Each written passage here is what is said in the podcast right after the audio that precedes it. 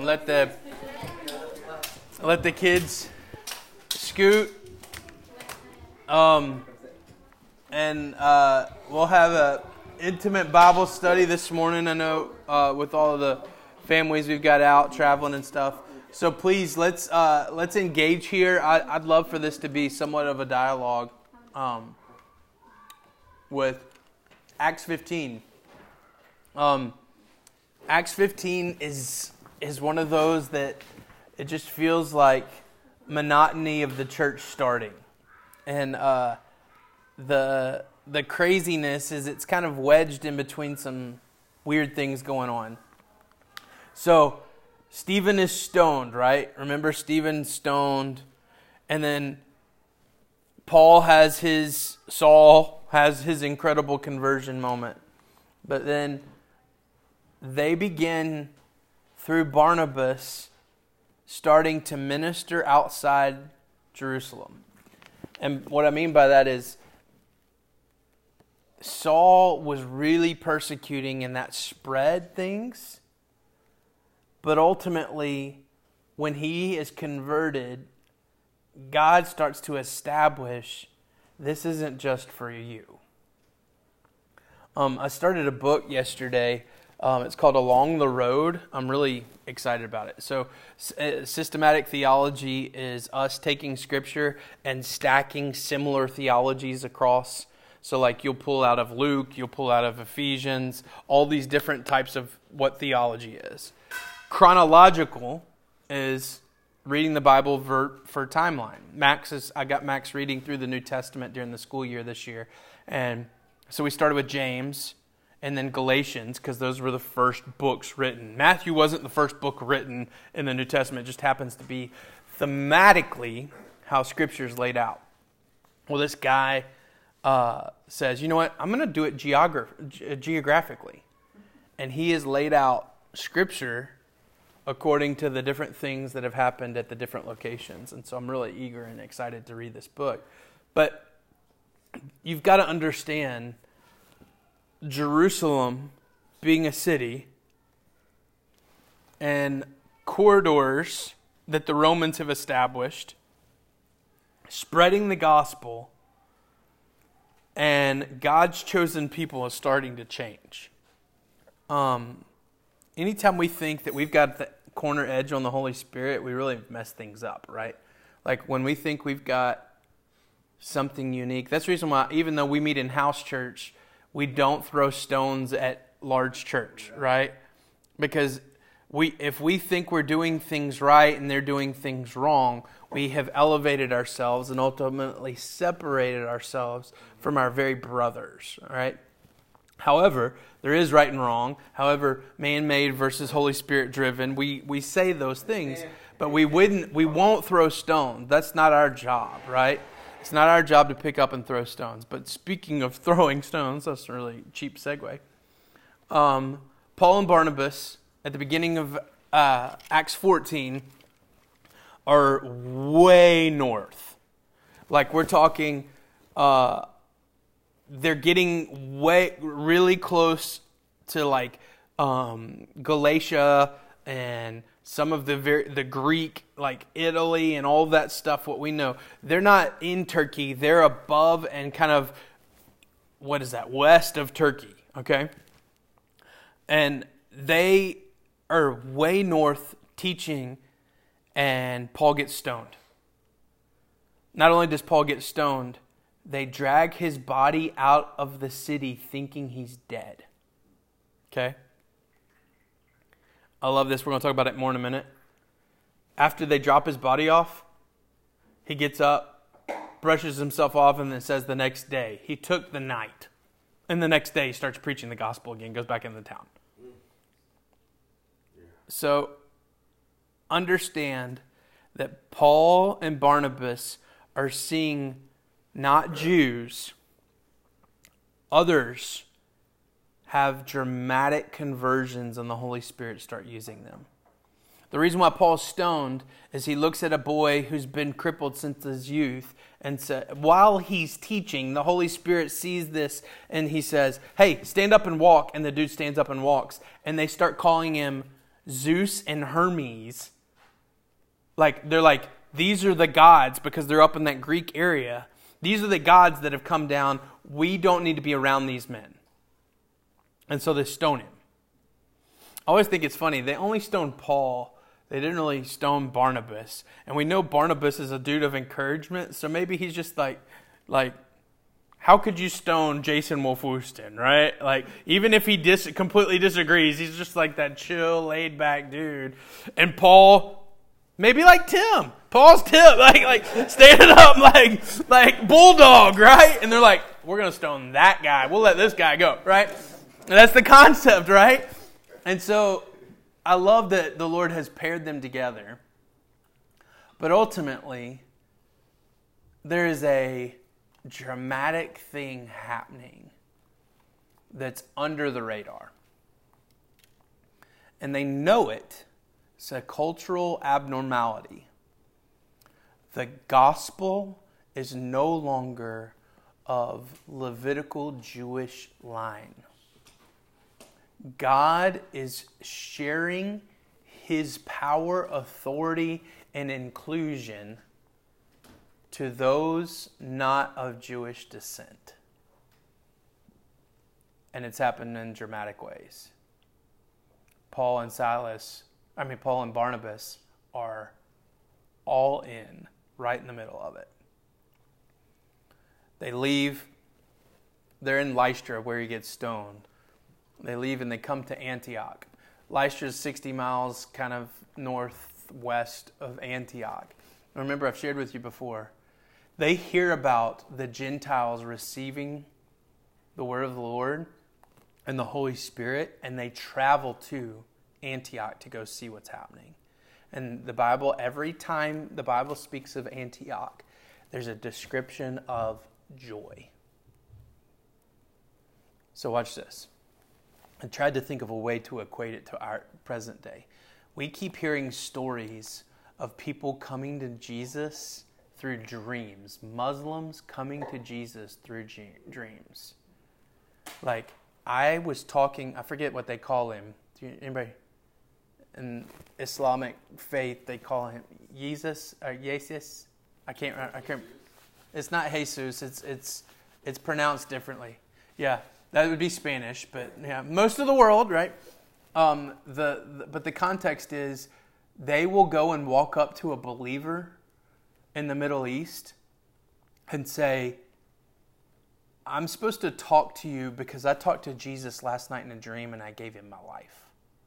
Like that's happening on a regular basis in the Middle East. And it's like we're going, hold up. Of course, Muslims, and of course, we have that hindsight of yes, the gospel's for everyone, but there's still a, a cultural, like, how is this happening? Did if you say it was in a dream, is that real? Like, did that really happen? There's this unsettling concept that God's moving in such dramatic ways. Can we really process this? And watch what happens. Acts 15, verse 1. But some men came down from Judea and they were teaching the brother and were teaching the brothers, unless you're circumcised according to the custom of Moses, you cannot be saved. And after Paul and Barnabas had no small dissension, I love that scripture is really polite there, had no small dissension and debate with them. Paul and Barnabas and some of the others were appointed to go up to Jerusalem to the apostles, the elders, and about this question. So, being sent on their way by the church, they passed through Phoenicia and Samaria, describing in detail the conversions of the Gentiles. See, watch again. And it brought great joy to all the brothers. And when they came to Jerusalem, they, they were welcomed in the church and the apostles and the elders, and they declared, to, uh, they declared all that God had done with them.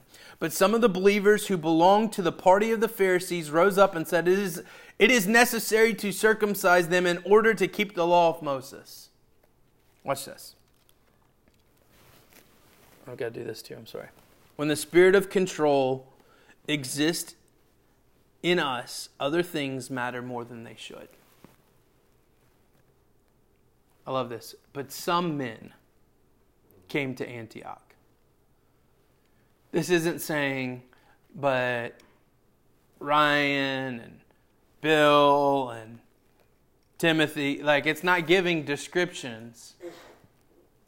Watch. Control is something that takes over when I don't really realize it. I put my hands into things that I'm not supposed to touch. And when I do, it's usually based on hearsay and an anonymity. I must remain anonymous, but some men, the spirit of control doesn't really have a face. Why are you manipulating this? Well, you know, or another way to say it is, did God really say? See, when the enemy came to Eve in the garden, it was based on hearsay. Did God really say? Feel the authority of opinion and choice, and that leads into the spirit of control. When I feel like I can choose here, my opinion matters, I begin to control. Now, say it. We said it this past week in a post that had a couple messages on Instagram about opinion does not, or my opinion does not matter. I have no rights. Control makes us do crazy things. Let's back up for a minute. Some men go up to Antioch. Okay? 300 miles from Jerusalem. They walked to Antioch based on a spirit of control. It's very different from Paul and Barnabas' original visit to Antioch. Hey, the Holy Spirit showing up. Oh, let's go. I had a buddy of mine. We were at, um, we joke, it was kind of a Baptist Costal kind of church, very charismatic Baptist church. And we, um, we I, like, I'm at work on a normal Monday morning, a staff meeting, and one of my bosses is canceling everything in the afternoon and says he's got to go to Birmingham. And we had another church that we were kind of affiliated with just north of Birmingham. And they were seeing God do some incredible things and revival and Holy Spirit break out. And so it's like a Monday morning at noon, and he's canceling everything. He calls all the staff. I mean, we had like meetings all day long on Mondays, kind of the typical church concept of let's do all the meetings on one day so we really don't have to do any more meetings the rest of the week. And so it's literally like from 8 to 5, they're meetings constantly. And at, he calls and says at noon, he brings everybody in and everything. It's kind of like all the educational teams student ministry, kids ministry, adult, and some of the small group guys. We're in this meeting, and he says, Hey, I'm canceling everything this afternoon. Um, I've got to go uh, to uh, just outside Jasper, Alabama um, I've got to go because revival is breaking out at this church. And we're like, okay, it's a little weird. What? And he said, they started a, a worship service last night and they're still going. And it's like noon on Monday. And so then my thought is, can, can I go? You know, can I go? And he just said, hey, uh, uh and he, he felt strongly, it was a little weird, but he felt strongly that he was supposed to be the only one that goes. So he goes. And they, they did. They had some really cool healings take place and stuff like that. When I hear the Spirit of God doing something, I want to be right in the middle of it. Mm-hmm. Control hears of things that are out of line and post comments must say something, get on a soapbox, or even walk 300 miles to go stop it. Listen, there's no newspaper. What are they hearing? Testimony. They're hearing Gentiles interacting with the Holy Spirit. And there's two ways to respond. To respond. What are the two ways? Joy and, Joy and control. What? What'd you say? Reject or accept. Okay, same thing. Re- reject it. Okay, we have to deal with this. Accept it. Holy smokes, check this out. I love the fact that Scripture goes out of its way to say while they're on the way back from Antioch to go to Jerusalem, they stop in two towns and tell the brothers, and they all receive with joy the things God's done. And then when they get to Jerusalem, they welcomed them and were joyous after they heard of all the things God had been doing. Listen, but some men. Control usually is a very small, minute group of people, yet it shifts how we feel, think, and do. Mm-hmm. The spirit of control reveals itself on platforms of process and tradition. Amen. This is not how this is supposed to happen. Um, I have a funny story. So, um, there were two things that I would have almost on a weekly basis whenever people would visit High Point, um, it's funny. Everybody would direct, "Oh, well, go talk to Ryan." You know, like, okay, you've got an issue, go talk to Ryan. And people would come like someone would be baptized at High Point, and so they invite all their friends, religious friends usually, and they'd come and sit down, and you could spot them, right? You could spot those people because they were way too dressed up, right? Like they were way too dressed up, and it was great. We loved having them, but then they would come and corner me afterwards and ask two questions. One, why didn't the pastor baptize? Well, and then we would kind of walk through. We let friends baptize friends, right? Um, there's no hit list of who can baptize, and actually, if there was, the one who hit all the things never baptized anybody, right? He always told let he let others baptize. So we let friends baptize friends. We even had this one moment we had a 15 year old kid baptize his mom. You know, we had one where a husband and wife got saved at one point in time, and they were both in the tank and they baptized each other. And just incredible moments, you know two weeks after I left, I was so disappointed that I wasn't there for it. We were out of town. Um, we had this one, and I thought, oh man, I'm kind of glad I'm not there to answer these questions. Had this one lady who was on a respirator. She had um, massive, like MS or something like that. And physically could not, like, if she got out of her wheelchair, she would die because it was life support kind of thing. And so they just poured water over her and I thought all these people are thinking we're gonna we're sprinkling right? Like and they're gonna come lay but eh, you know what? The intent is there. The heart is there right? Watch. The other question that people would come ask is when High Point first started it was in a horse trough the the Baptist, baptistry. And it you would hit your head because there were steps to get in and you really couldn't turn around very well. So if they baptized backwards, like you usually see people do, you would hit your head. So they just started dunking people forward. And then it became the tradition that we just dunk people forward. That's what happens, right? And so people would ask questions like, What's the theological premise on baptizing people forward? I'm like, Because we didn't want people to hit their head, right? Like there was no context. Watch. Spirit of control hides itself or actually reveals itself in arguments of process and tradition. Is there something wrong with process? Nope. Nothing wrong with tradition. But when I start to stick my stake in the ground based on what would happen in tradition and process, I miss the point. It says in verse 5 believers in the church who affiliated themselves with the Pharisees. So these aren't Pharisees, these are people who have come out of a Pharisaical lifestyle and accepted Jesus, now have a control that's bringing them back into they must be circumcised.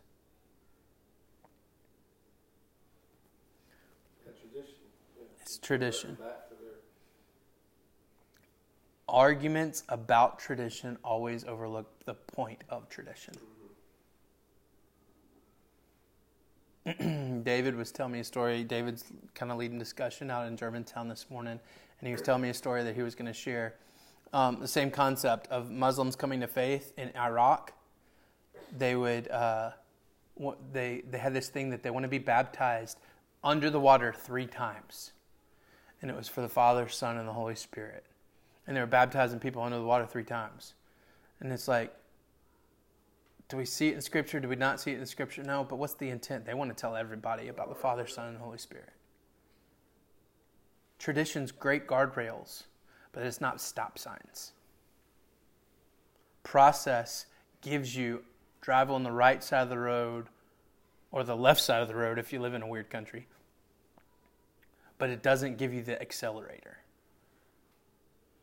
You see, if we interpret Scripture without the prompting of the Spirit, we can just do and see the traditions. But then we miss the point of the tradition. Verse 6. Listen what happens. So they're telling everybody about the cool things that are happening to the Gentiles and some dude stands up and say, That must be circumcised, right? I told Ann yesterday as I was kind of walking her through a little bit of what the Lord was showing me. I said, This feels like some of the meetings we've been in, like the old school Baptist meetings, right? I remember one time we sat in a meeting for two and a half hours after Sunday night church. Anybody do Sunday night church back in the day? After Sunday night church, yeah, we I love trying to explain to non-believers what Sunday night church is. So you have a service at night? No. Well, yeah, but it's a completely different service. Oh, it's not the same message? No, it's a completely different service. Well, why? Because we're supposed to, right? Like there's that context. Well, we had a, a Baptist business meeting after church on Sunday night. And for two hours, we watched men discuss to the point of wanting to throw fists out in the parking lot about earthquake insurance for the church earthquake insurance. And I kept, like, I, I, we had a lot of fun in those meetings actually because we'd sit there and just cackle and laugh until somebody really did one time try to swing at each other, right? What would God do in this moment? Oh, he'd open up the earth and swallow them, right? Right? Like that context, like, wait, okay, let's let's get out of this building. You know, that was kind of the thought. Watch what the spirit of control does with us.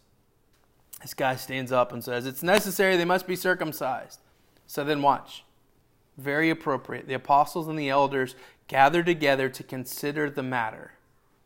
After there had been much debate, Peter stands up and said to them, Brothers, you know that in the early days God made a choice among you that my mouth that by my mouth the Gentiles should hear the word of the gospel and believe. Watch. The point behind the Holy Spirit to be in our lives is to trump the spirit of control. The reason why God has given us the Holy Spirit is to illuminate the concepts of I'm trying to control things that I'm not supposed to be in control of. The Holy Spirit is there to convict when sin takes place, of course. But when sin takes place, what am I saying? I can do this without you. It's a spirit of control. This is the reason why we focus on pausing. This is the reason why we focus on listening. What other religion, outside of some weird New Age stuff where they really just open themselves up to demonic influence? Do we listen in concepts to our God? I love this. The spirit of control says, Did God really say? But watch. At the same time, the enemy is whispering, Did God really say? The Holy Spirit is shouting. What God said was,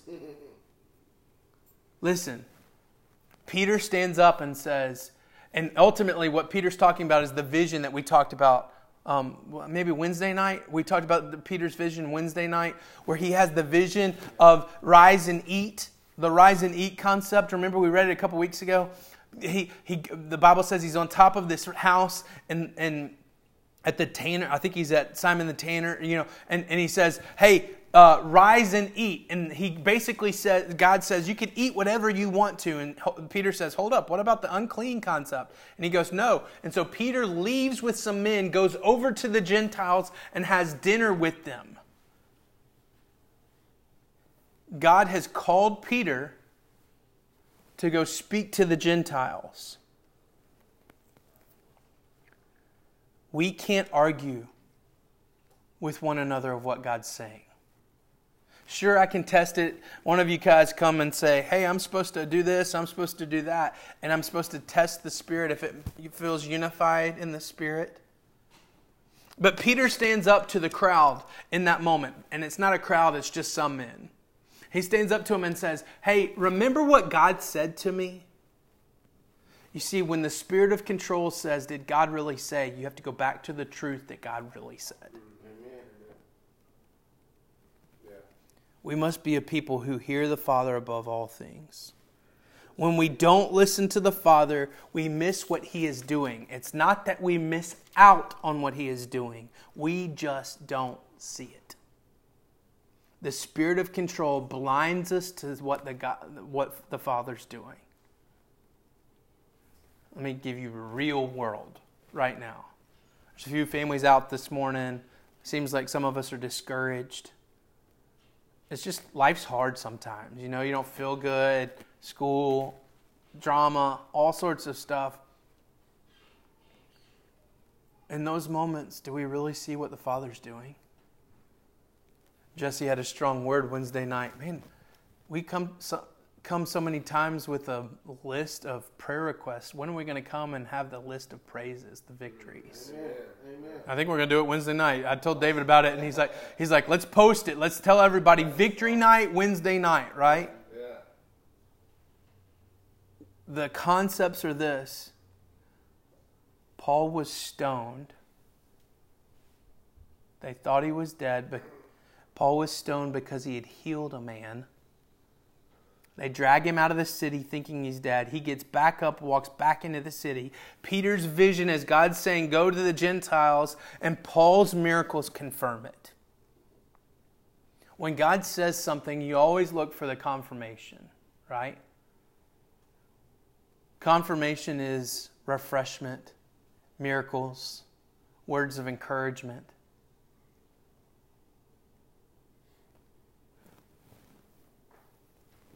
Regret isn't something that I really, I don't know why. I just never really, I, I kind of am like black and white. So like I made that decision. I really don't, I can't change it. So why I spend effort and time on it?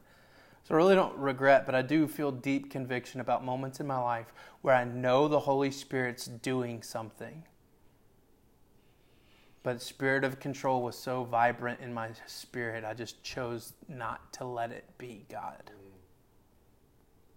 In my mind, I thought, that's emotionalism. In my mind, I thought, no, did God really? And, and in my mind, I, I, I entertained the spirit of control instead of trusting the Holy Spirit. Mm. And, and I say often, the Holy Spirit's a gentleman. Mm-hmm. Yeah. There's weird moments, there's different times, but the Holy Spirit's a gentleman. Spirit of control is a poison.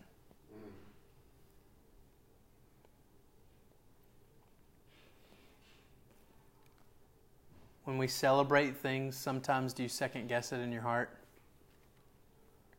Big moments, but then a critical spirit like, is that really what we should have been celebrating? Sure, they've been clean just for a few days, but what's next week going to look like? Yeah, but their lifestyle is not backing up what they're saying when we gather. The spirit of controls is choosing poison over joy. Watch. It's choosing to interrupt the testimony of God with a process question. Asking the Lord to give me a vision or visual of, of this. I feel like the Lord kind of gave me this the couple days before spring break, maybe even the last few hours right before school gets out.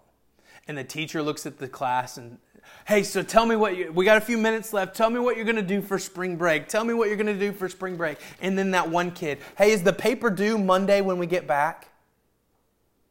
It's like what? Do you understand what we were talking about did you of course we need to process should they be circumcised or not but you just interrupted a celebratory moment where we were excited and now we're really not there anymore If I could say one thing for echo in all of our minds and spirits for the next few days, the spirit of control sucks the very breath out of our lungs. We think that we're trying to hold ground for something. And ultimately, we just lose life. Abundant life is in full freedom full celebration, full joy. When I come to a spirit of control in my heart and I see it, I need to get still before the Lord for a little bit. I need God to speak His truth into my life. I need to fall back on what the reality is, the point is, the goal is. And watch what happens. Peter keeps talking in verse 8. And God, who knows the heart, isn't that the crux of the whole point? Let's stop talking process for a moment.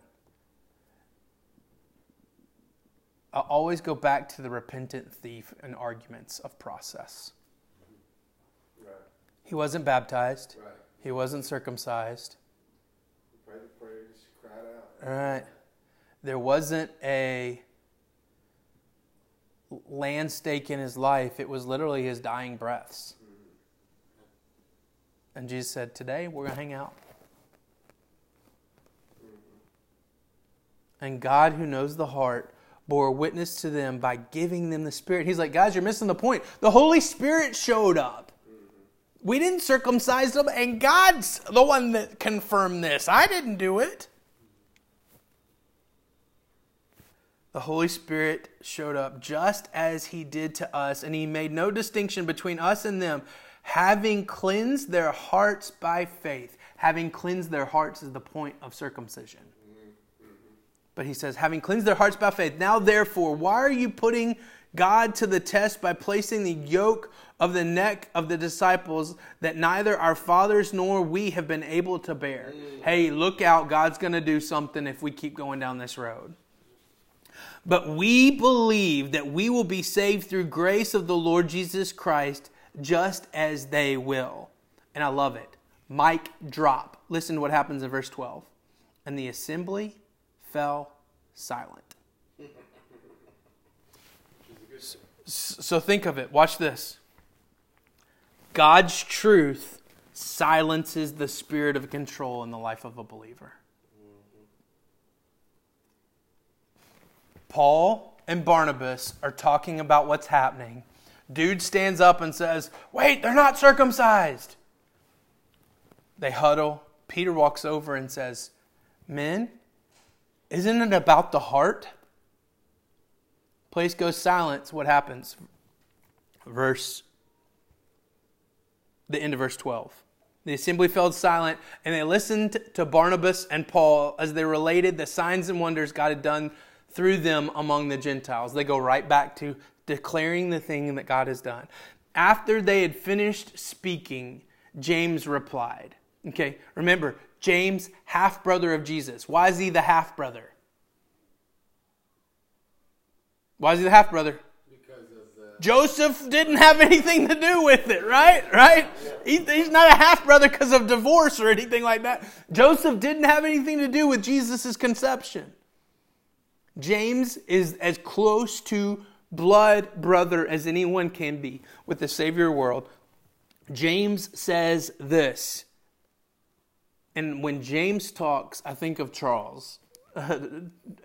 we have a man, uh, he's no longer on the trustees, he just rolled off. He's 84 years old, and we really put him there because we're all like mid 30s and we needed some elder wisdom, right? And when he speaks, we all go, okay, yeah, whatever you want us to do. Just tell it because there's so much wisdom. James is that. He writes the first letter of the New Testament, James, is timing wise. Listen. James replied, Brothers, listen to me.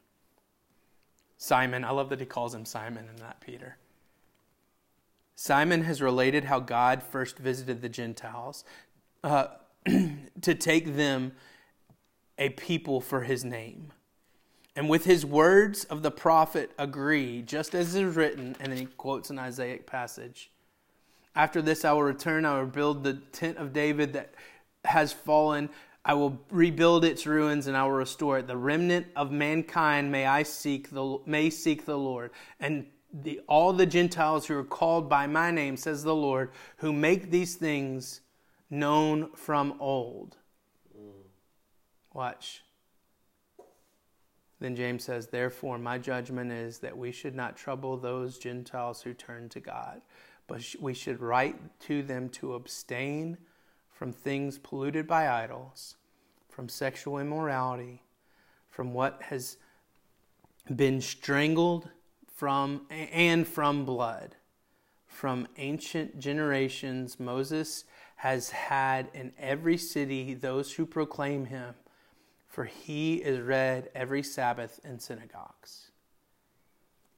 He's saying the point of all this is that we live separated from the world. And that's a heart issue. He's saying that sure, there are all these things that we don't do. We abstain from these this list of things, and we've been doing it, and it's been taught in every synagogue since Moses.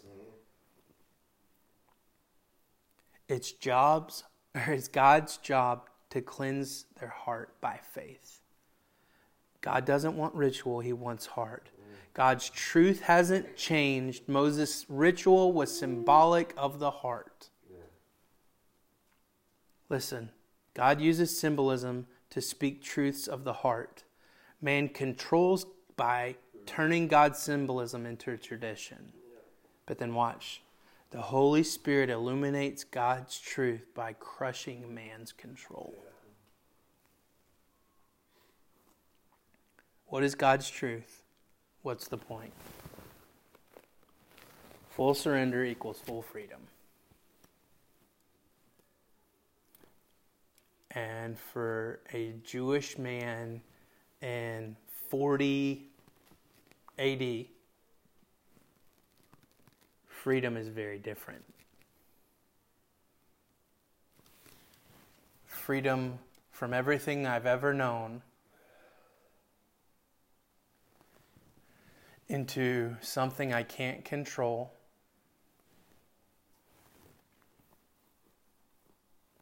That's full surrender. Heaven is where our freedom is fully realized. Think about it. What are the traditions and rules in heaven? Come on, process this. I got to process this earlier, so I've got all the right answers written right here. I'm just kidding, I don't. But what are the rules in heaven? I don't think there are any. There are no rules in heaven. Think about it. There are no rules in heaven. Jesus is Lord, that's a reality, not a rule. And when we unify under that reality, there is no need for rules. See it? Yeah. yeah, that's right.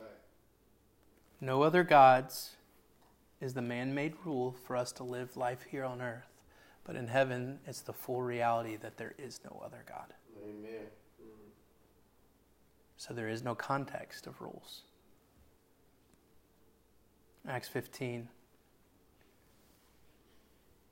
needed to have that prayer here on earth as it is in heaven. Yes, right. Lord, let us make you the reality. And out of that, I, I walk fully in the Spirit. And when I walk fully in the Spirit, this sounds crazy. No need for rules. That's freedom. Declare Jesus is Lord. Live your life in full surrender. Then in heaven, those conditions become reality.